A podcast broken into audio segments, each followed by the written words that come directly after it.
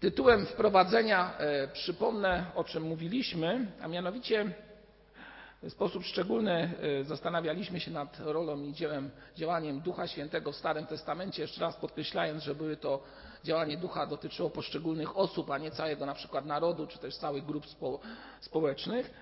Mówiliśmy o tym, że Duch Święty w Starym Testamencie objawiał swoją moc, używając konkretnych ludzi, konkretnego człowieka. Następnie przeszliśmy i powiedzieliśmy o tym, co zostało zapowiedziane w Nowym Testamencie, jeśli chodzi o Ducha Świętego. Czytaliśmy bardzo szczegółowo kwestie związane z Księgą Dziejów Apostolskich i tym pierwszym szczególnym wydarzeniem, kiedy Duch został wylany na Kościół i ci, którzy y, wyszli, głosili Ewangelię w mocy, także wszyscy się zdumiewali, Ewangelia dotarła do wielu osób, do wielu osób. Następnie mówiliśmy o owocu Ducha Świętego z księgi, z listu do Galacjan, wskazując na ważność owocu Ducha Świętego w kontekście wypowiedzi, które padają, wypowiedzi, która padła w liście Pawła do Koryntian w 12 rozdziale, gdzie na koniec tego 12 rozdziału czytamy słowa które brzmią w następujący sposób. A Bóg ustanowił w Kościele najpierw apostołów, po proroków, po trzecie nauczycieli, następnie moc czynienia cudów, potem dary uzdrawiania, niesienia pomocy, kierowania, różne języki. Czy wszyscy są apostołami, czy wszyscy prorokami, czy wszyscy nauczycielami, czy wszyscy mają moc czynienia cudów? Czy wszyscy mają dar uzdrawiania, czy wszyscy mówią językami, czy wszyscy je wykładają? I 31 wiersz mówi: Starajcie się tedy usilnie o większe dary łaski, a ja wam wskażę drogę jeszcze doskonalszą. I tutaj następuje ten wspaniały fragment Słowa Bożego, w którym czytamy o miłości, o miłości, która jest największym z darów, a zarazem owocem Ducha Świętego i powinna być w naszym życiu. Bo choćbym mówił językami ludzkimi, a anielskimi, a miłości bym nie miał, Potem choćbym miał dar prorokowania i znał wszelkie tajemnice i posiadł całą wiedzę i choćbym miał pewnie, pełne, pełnię wiary, tak żebym góry przenosił, a miłości, i tutaj znowu jest ten fragment mówiący o tym, i choćbym rozdał całe mienie swoje, i choćbym ciało swoje wydał na spalenie, a miłości bym nie miał, nic mi to nie pomoże.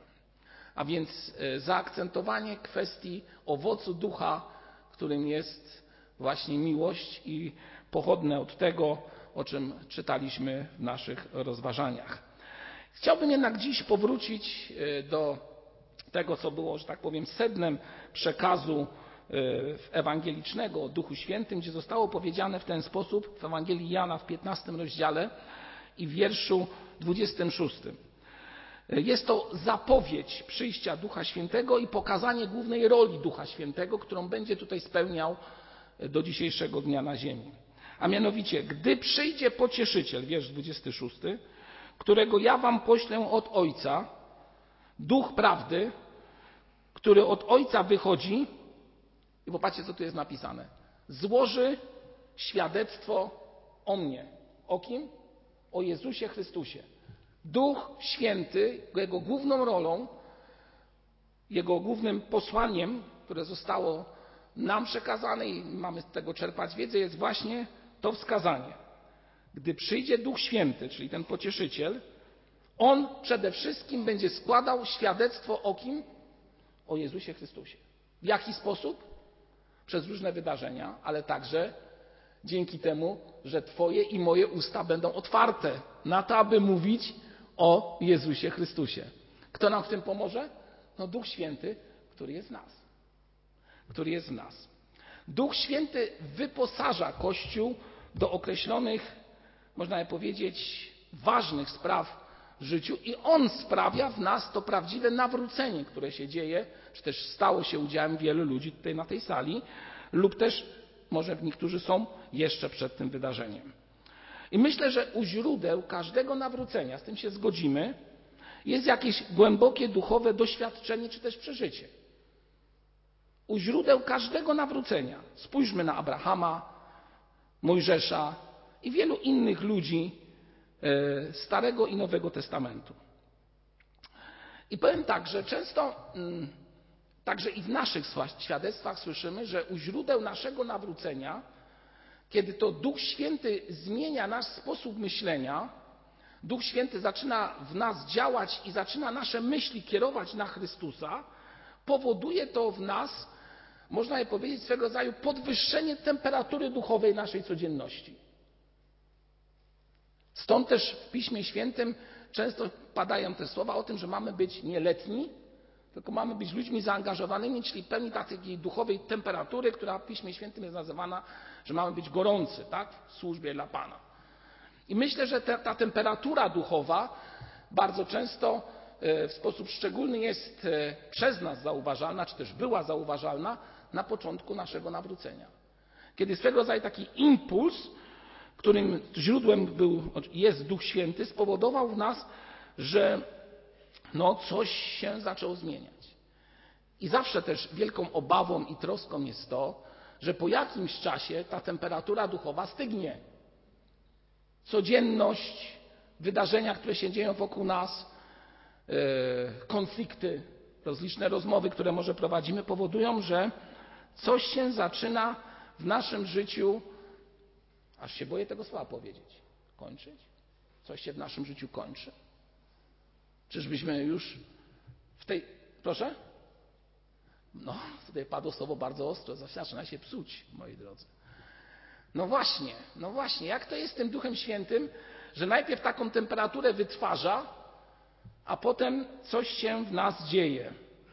Czyżbyśmy gasili Ducha Świętego? Czyżbyśmy gasili Ducha Świętego, tak mówiąc tekstem Słowa Bożego? Niektórzy mówią, że to e, rytuały, doktryny, kodeksy moralne, tutaj sobie zapisałem jakieś doświadczenia, powodują, że ten tak zwany złoty wiek, który mieliśmy na początku, kiedy Duch zaczął w nas działać, już nie jest tym złotym wiekiem. Ale wiecie, co z tego złotego wieku we wszystkich sercach pozostaje?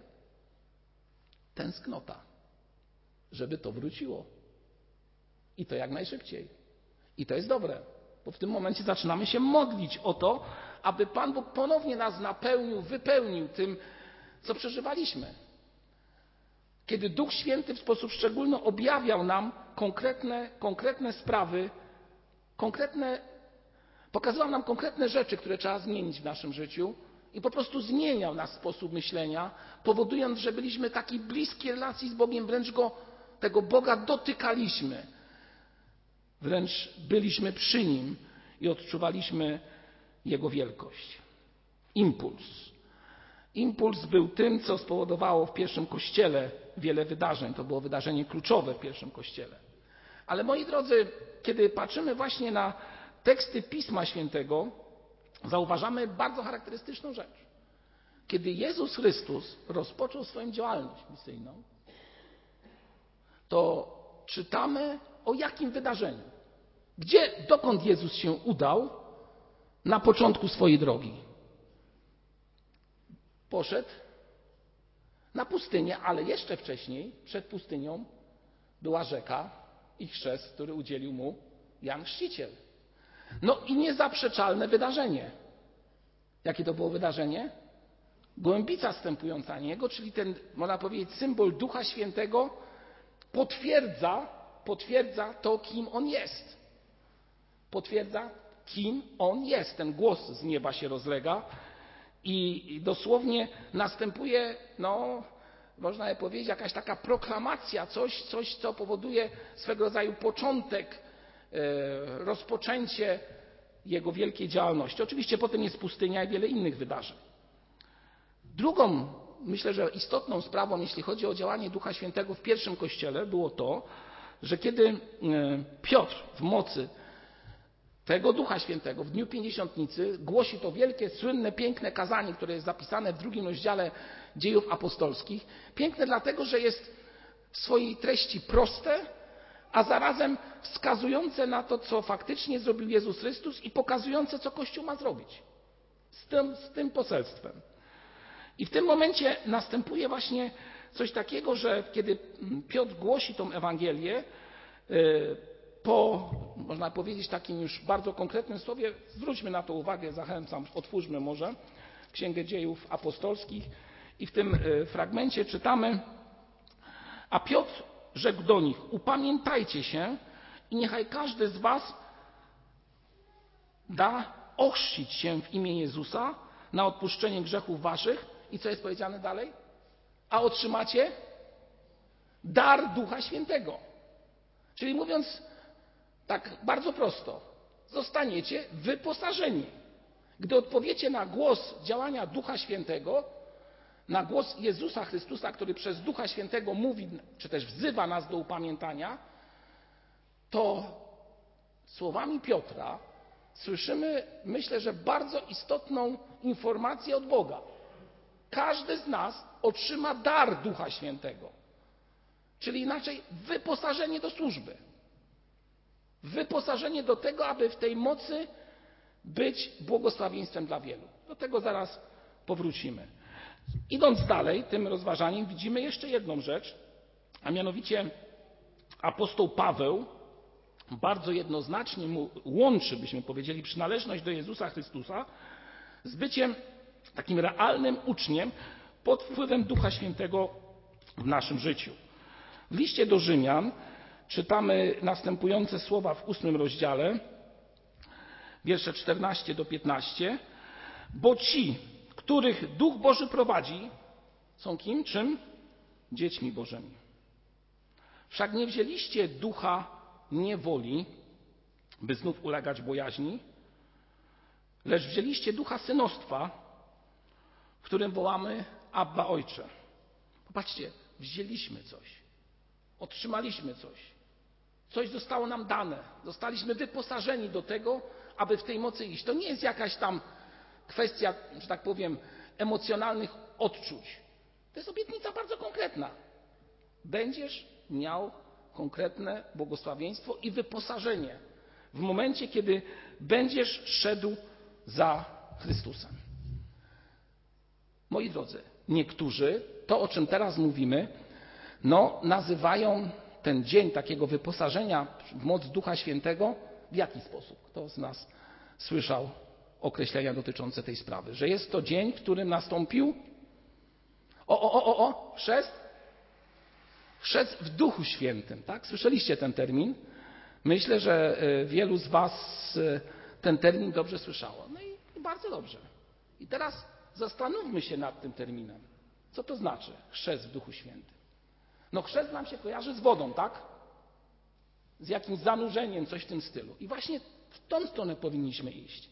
Chrzest, uwaga moi drodzy, jest niczym innym, jeszcze raz powtarzę, chrzest w Duchu Świętym jest niczym innym jak zanurzeniem nie w wodzie li tylko, ale właśnie w duchu. Czyli można by powiedzieć otwarciem się na to, aby coś się skończyło i zaczął coś Duch Święty na nowo w nas kształtować. To nie jest jakieś tam enigmatyczne stwierdzenie, które niektórzy nam mówią w ten sposób. Chrzest Duchem Świętym charakteryzuje się tym, że masz, nie wiem, języki, jakieś tam inne sprawy, które się, że tak powiem, objawią w Twoim życiu i wtedy zostajesz ochrzczony. Moi drodzy, to jest coś na zewnątrz. Chrzest to jest zanurzenie albo jak niektórzy mówili w dawnym czasie, ponurzanie, tak? Ponurzani są, takie było określenie w Duchu Świętym. Zagłębienie w Nim, zatopienie w Nim, czerpanie z Niego, oczyszczenie, które w Nim następuje. Kiedy ten dzień następuje?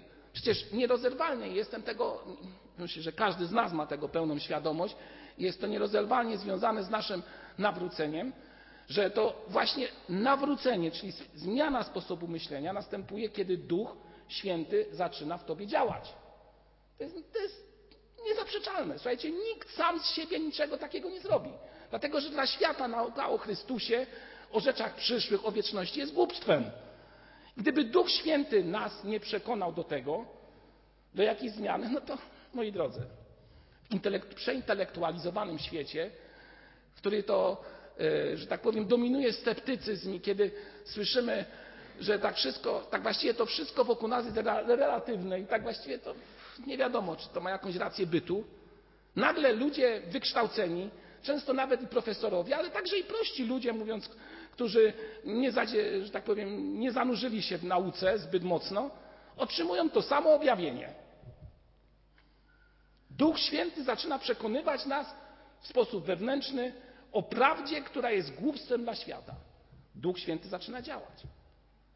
I w momencie, kiedy Duch zaczyna zmieniać nasz sposób myślenia, następuje nawrócenie, i po tej zmianie, która jest w nas, następuje ten moment, który ja nazywam zanurzeniem w Duchu Świętym. Niektórzy mówią napełnienie w Duchu Świętym. Chcecie mówić chrzest w Duchu Świętym? Mówcie, tylko pamiętajcie, że nie stawiajmy znaku równości pod tytułem chrzest w Duchu Świętym równa się mówienie językami, bo to jest nieprawda. To nie jest biblijny termin, moi drodzy. Zanurzenie w Duchu Świętym to oddanie się, aby Duch Święty działał przez Ciebie i w Tobie. I pamiętajmy o tym, moi drodzy. I nie dajmy się zwieść, jeżeli ktoś mówi Wam inaczej. Bo po prostu Pismo Święte na ten temat nie mówi. Choć mówi bardzo wyraźnie, że Duch działa jak chce. I dana sytuacja może się tak objawić, jeżeli Duch będzie tego chciał. Bo On jest suwerenny. I On działa jak chce. A więc idąc tym sposobem myślenia, moi drodzy, możemy dojść do następującego stwierdzenia, że także Kościół Baptystyczny, w którym jesteśmy, w istocie jest wspólnotą charyzmatyczną. W istocie biblijny jest wspólnotą charyzmatyczną. Dlaczego? Dlatego, że każdy po nawróceniu otrzymuje dar Ducha Świętego. No mówiąc tak dziecięco, nie ma to tamto, moi drodzy. Otrzymaliśmy dar Ducha Świętego jako wyposażenie po naszym nawróceniu. Otrzymaliśmy dar Ducha Świętego, który jest nam dany. Pytanie teraz następne, co z tym zrobiliśmy? I to jest następna myśl, którą chcę z Wami teraz poruszyć. Otwórzmy pierwszy list Pawła do Koryntian, dwunasty rozdział.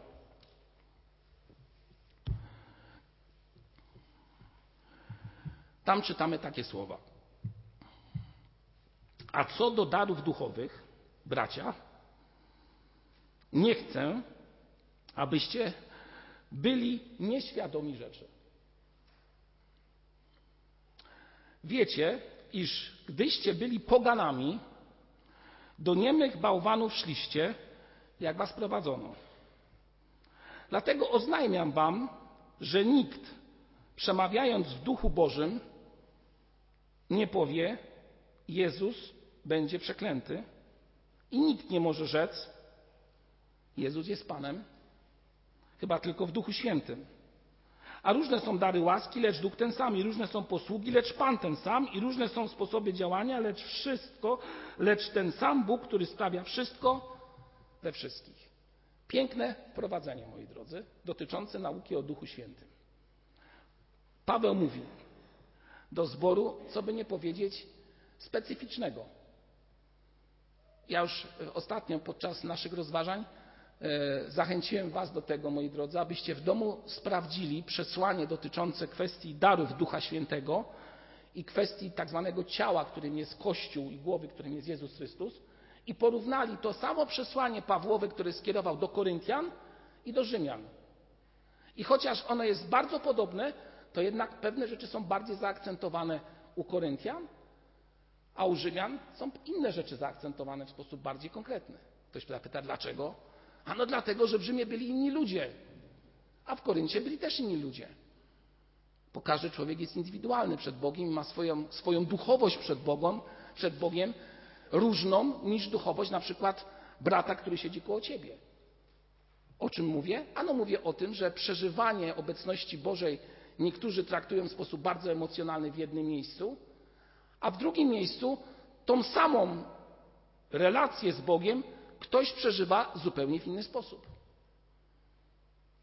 Dlatego różne przesłania do Rzymian i do Koryntian. To w nawiązaniu do tak zwanego zadania domowego, które Wam zachęciłem, żebyście zrobili. Mam nadzieję, że pomyśleliście o tym. A jeżeli nie, to dzisiaj pomyślcie. 12 rozdział do Koryntian, pierwszego rozdziału i 12 rozdział do Rzymian.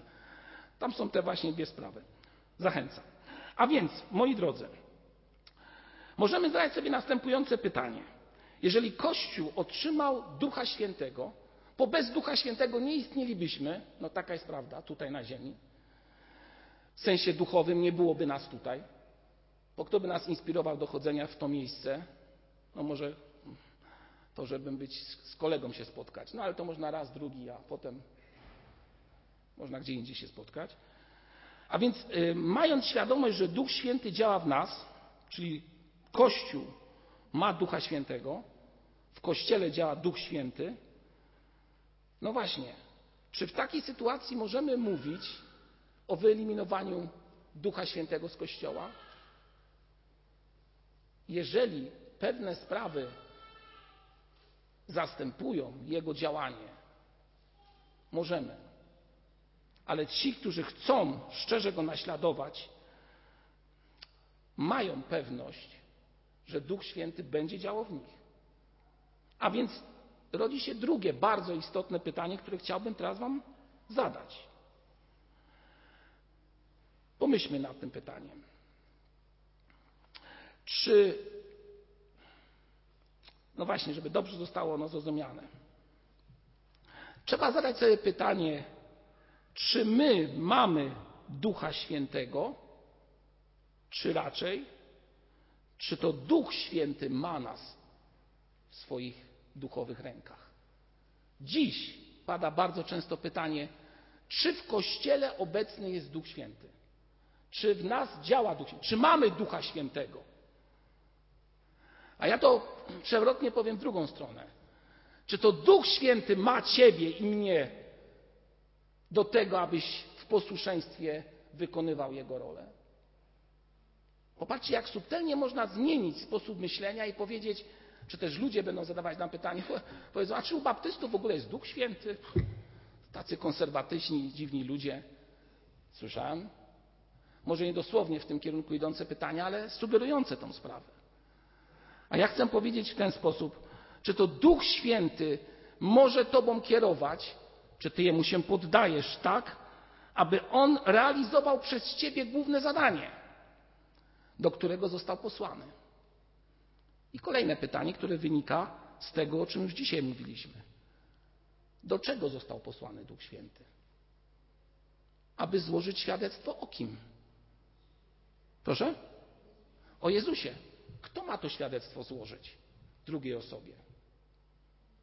Oczywiście ktoś powie, jeżeli my będziemy milczeć, kamienie mówić będą. Zgadza się, ale póki my nie milczymy, to my mamy to świadectwo złożyć to my mamy to świadectwo złożyć. I Duch Święty, kiedy ma Ciebie, albo Ty jesteś Jego, to On używa Cię właśnie do tego, aby przede wszystkim złożyć świadectwo o kim? O Jezusie Chrystusie. O Jego wielkiej mocy, o przebaczeniu i o krzyżu, na którym, że tak powiem, dokonało się nasze zbawienie. Wróćmy do tekstu z Koryntian.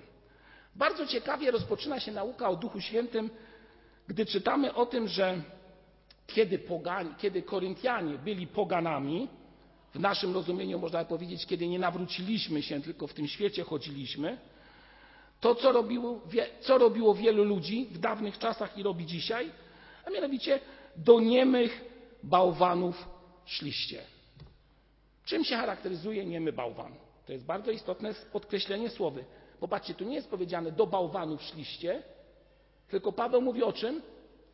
Do niemych bałwanów szliście, czyli tych, które nie mówią. One nie mówią nic. Wielu do nich chodziło. A teraz Paweł mówi bardzo wyraźnie, że nikt przemawiając w duchu Bożym nie powie, niech Jezus będzie przeklęty. A więc, moi drodzy, dawniej bożki, bałwany, które są nieme, nie mają ust, nie mogą mówić, nie mogą mówić, do dzisiejszego dnia są takimi bałwanami, które możemy w różnych miejscach spotykać. Niekoniecznie teraz, moi drodzy, myślcie o niektórych figurach, które można zobaczyć w pięknych świątyniach. Bo te bałwany są wszędzie, moi drodzy.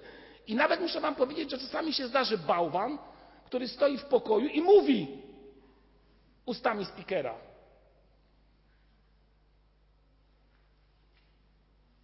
Mówi. Ale idąc dalej, tym sposobem myślenia widzimy, że w przeciwieństwie do tych bałwanów, które generalnie są czymś materialnym i nie ma w nich duszy, my jako ludzie wyposażeni w moc Ducha Świętego potrafimy powiedzieć słowa, niech że Jezus jest Panem i nikt nie będzie mówił, że Jezus jest przeklęty, dlatego że moc Ducha Świętego pobudza nas do tego, aby mówić, że Jezus jest Panem i czyni to w nas kto? Duch Święty. Moi drodzy, chcę zadać Wam pytanie. Chciałbyś, chcielibyśmy zmierzyć temperaturę działania Ducha Świętego w Twoim życiu, w moim życiu? Wiecie, jak ją zmierzyć? Czy potrafisz otworzyć swoje usta i powiedzieć: Jezus jest Panem? Co to znaczy? Złożyć świadectwo o Chrystusie. Jeżeli wstydzisz się tego, krępujesz się tym, to może nie wypada. Jeżeli masz problemy z tym, aby o tym mówić innym ludziom, to ta temperatura, o której mówiłem, jest słaba. Jest słaba. Ostatnio wyczytałem w jakichś mądrych gazetach, że niekiedy bardzo poważna choroba wcale nie objawia się wysoką gorączką, tylko czym? Spadkiem temperatury, moi drodzy. Niesamowite. A jednak tak jest. A więc, moi drodzy, chcesz zmierzyć stan tego, jak Duch Święty działa w Twoim życiu? Zadaj sobie pytanie, czy wykonujesz to, czy też jesteś poddany Duchowi Świętemu, który przez Ciebie wskazuje i mówi o Jezusie Chrystusie. Wskazuje i mówi o Jezusie Chrystusie. Myślę, że to jest nieprzypadkowo tutaj zawarte i nieprzypadkowo zostało właśnie powiedziane jako podstawowe wyposażenie Kościoła. Kościół wyposażony został w siłę i moc Ducha Świętego do tego, aby mówić o Jezusie Chrystusie innym. Oprócz tego, Duch Święty wyposaża w sposób suwerenny każdego człowieka, jak chce, w dary, którymi będzie mógł służyć innym ludziom.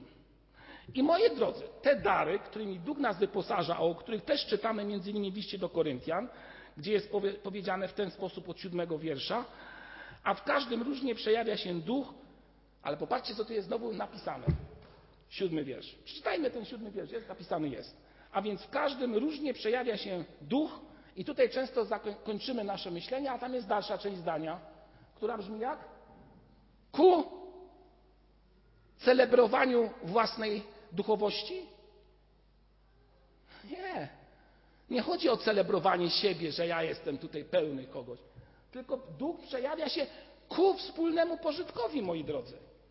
Duch obdarza nas darami po to, abyśmy byli błogosławieństwem dla innych, a nie tylko czekali na to, jak to ja jestem wspaniale obdarzony i jak to ja w sposób e, szczególny, niczym celebryta, zostałem w wyjątkowy sposób przez Ducha Świętego obdarowany. Ku wspólnemu pożytkowi, ku wspólnemu dobra. Duch nie pozwala skupiać się tylko i wyłącznie na sobie. Popatrzcie, kiedy Duch Święty w dniu pięćdziesiątnicy został wylany na apostołów, to czy oni dalej siedzieli w jednym miejscu i się cieszyli, hurra, no mamy Ducha Świętego, mamy siłę. Co oni z tym Duchem zrobili, a właściwie co Duch z nimi zrobił? Oni wyszli na zewnątrz. I o czym oni mówili? O Jezusie Chrystusie, moi drodzy. Tylko i wyłącznie o tym mówili. O Jezusie Chrystusie, o zbawieniu, które jest w Nim. Bo tak działa Duch Święty. Oni nie celebrowali teraz tego, że w jakiś sposób ja zostałem obdarzony, tylko wyszli i mówili: Chrystus żyje. Wielkie prawdy Boże głosili o Panu Jezusie Chrystusie.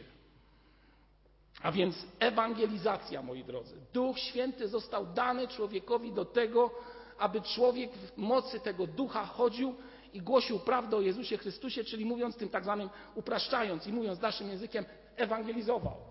Dzielił się prawdą z innym człowiekiem. Czy to czynimy w naszym życiu? Czy wykorzystujemy każdą sytuację do tego? Moi drodzy, prosta sprawa. Ostatni tydzień z naszego życia. Czy zdarzyło się w Waszym życiu podczas tego tygodnia na przykład takie wydarzenie, że ktoś z Waszych sąsiadów, bliskich dzielił się następującym przeżyciem, że na przykład choruje, że coś jest nie tak, mówi o swojej słabości. No myślę, że zdarzają się takie sytuacje. Ja spotkałem, moja sąsiadka, yy, starsza kobieta, wyszła i mówi, a wie pan, no, no źle się czuje, no źle się czuje, gdzieś tam na jakieś badania chodzi i ewidentnie widać, że źle się czuje. Jak myślicie, Co w tym momencie mamy zrobić? Moi drodzy, to jest furtka, którą otwiera Duch Święty, moi drodzy. No nie ma to tamto. Ty nie mów jej o lekach i medycynie, chociaż i o tym możesz powiedzieć także, jak się znasz na tym. Ale ty w tym momencie zacznij mówić o tym, że Jezus Chrystus, przecież też w Jezusie Chrystusie nie tyle jest uzdrowienie, ale w Jezusie Chrystusie jest siła do tego, aby przejść przez trudności, w których się znajduje ta osoba. To jest furtka. Czy wykorzystujemy tą furtkę do tego, aby dzielić się Ewangelią z innym człowiekiem? Czy zaczynamy po prostu ewangelizować? Zostaliśmy wyposażeni do tego, moi drodzy. Mamy siłę właśnie do takich działań. Powrócę jeszcze do tej myśli. Myślę, że już nie dzisiaj, po czas ucieka, ale jeszcze w następnym rozważaniu za tydzień. Dziś jeszcze dopowiem, e, myślę, że o ważnej sprawie, a mianowicie jeden bowiem duch otrzymuje, jeden bowiem otrzymuje przez ducha mowę mądrości, drugi przez tego samego duchem, ducha mowę wiedzy. I to jest to, o czym mówiliśmy, jeśli chodzi o dary Ducha Świętego. I dalej jest powiedziane o tak zwanych konkretnych darach, które służą Kościołowi, przede wszystkim Kościołowi. A w następnej części tego rozdziału następuje ciekawy opis. Popatrzcie, Paweł kończy myśl mówiącą o darach Ducha Świętego i rozpoczyna bardzo stosunkowo długi opis, a bardzo długi jak na nasze rozumienie i przekaz Pawłowy, bo Paweł raczej był takim człowiekiem, który w pigułce pewne rzeczy przekazywał, które miały wartość bardzo konkretną, a tutaj rozpisuje się na prawie 20 wersetów, oczywiście w tym naszym podziale, i zaczyna, zaczyna mówić o jedności duchowej Kościoła. I mówi o czym? Albowiem jak ciało jest jedno, a członków, dwunasty wiersz, ma wiele, ale wszystkie członki ciała, chociaż jest ich wiele, tworzą jedno ciało, tak i Chrystus. Bo też w jednym duchu wszyscy zostaliśmy ochrzczeni w jedno ciało. Czy to Żydzi, czy Grecy, czy niewolnicy, czy wolni, wszyscy zostaliśmy napojeni jednym duchem. Albowiem i ciało nie jest jednym członkiem, ale wieloma. Popatrzcie, no, czy ktoś z Was, myślę, że tak, ale ja chcę zadać pytanie, czy zastanowiliśmy się nad tym, dlaczego akurat jest tak ułożony fragment listu do Koryntian? Że najpierw jest mowa o darach Ducha Świętego, a potem jest mowa o Kościele Jego. Myślę, że jednym z rozwiązań jest właśnie to, że dary Ducha Świętego są dane nam po to, abyśmy budowali jedność w Kościele. Dla uposażenia Kościoła, dla wyposażenia Kościoła, dla zachęcenia w Kościele ludzi jeden drugiego. Zresztą czytając ten fragment widzimy o tym, czytamy o tym. A więc dwie główne myśli się rysują z tego rozważania. Pierwsza rzecz, Duch Święty jest nam dany w momencie naszego nawrócenia, naszego zanurzenia, czy też chrztu, jak ktoś powiedział, w Duchu Świętym, kiedy Duch Święty wyposaża nas, pierwsza rzecz, do czego? Do tego, aby mówić o Chrystusie, czyli do ewangelizacji, wykorzystując każdy moment do tego. I druga, myślę, że ważna sprawa, a mianowicie do tego, abyśmy budowali jedność w Kościele. Ci, którzy są ochrzczeni, czy też zanurzeni w moc Ducha Świętego, mają budować jedność w Kościele, aby nie było tak, że jak to ktoś powiedział, ręka powie nie potrzebuje Ciebie, czy mózg powie ręce nie potrzebuje Ciebie, bo zawadzasz mi, a więc ktoś ze starszych powie jakiemuś bratu albo siostrze jesteś tutaj niepotrzebna, niepotrzebny, bo każdy jest potrzebny, tylko ten ta świadomość potrzeby jeden drugiego, albo tą świadomość potrzeby jeden drugiego sprawia Duch Święty w nas. Duch Święty buduje w nas prawdziwą jedność. A więc kończąc dzisiejsze stwierdzenie, powiem, zachęcę Was jeszcze raz. Zanurzmy się w Duchu Świętym. Odkryjmy jeszcze raz, że Duch Święty przyszedł po to, aby powiedzieć nam o Jezusie Chrystusie użyć Twojego, mojego świadectwa o Nim. Zanurzmy się w Duchu Świętym, aby doświadczyć Jego bliskości na tyle, aby budować jedność, jedność naszego ciała, czyli jedność Kościoła. I od tego zaczniemy za tydzień nasze dalsze rozważania dotyczące działania Ducha Świętego. I o czym będziemy mówić za tydzień? A mianowicie, moi drodzy, powiemy o takich sprawach jak kwestia wiary w duchu, czym było prorokowanie w pierwszym kościele. Powiemy o tym, jak kwestie różnych darów się, że tak powiem, uzewnętrzniały w pierwszym kościele. A na koniec, moi drodzy, jeżeli zdążymy, powiemy o tym, co wymyślili, można by powiedzieć, ojcowie Kościoła, czyli ci, którzy żyli po apostołach. Ci, którzy żyli po apostołach, kiedy apostołowie odeszli z tej ziemi, często mówi się o nich w tym okresie jeszcze starożytności, że byli to tak zwani ojcowie Kościoła i później. Jeden z takich ojców Kościoła wykuł termin w kontekście darów Ducha Świętego i działania Ducha Świętego i powiedział, że chrześcijaństwo czasami ma religijność i tutaj tą religijność nazwał w następujący sposób, a mianowicie jest to tak zwana religijność kupiecka. A dlaczego kupiecka religijność? To za tydzień. Zapraszam Was do modlitwy.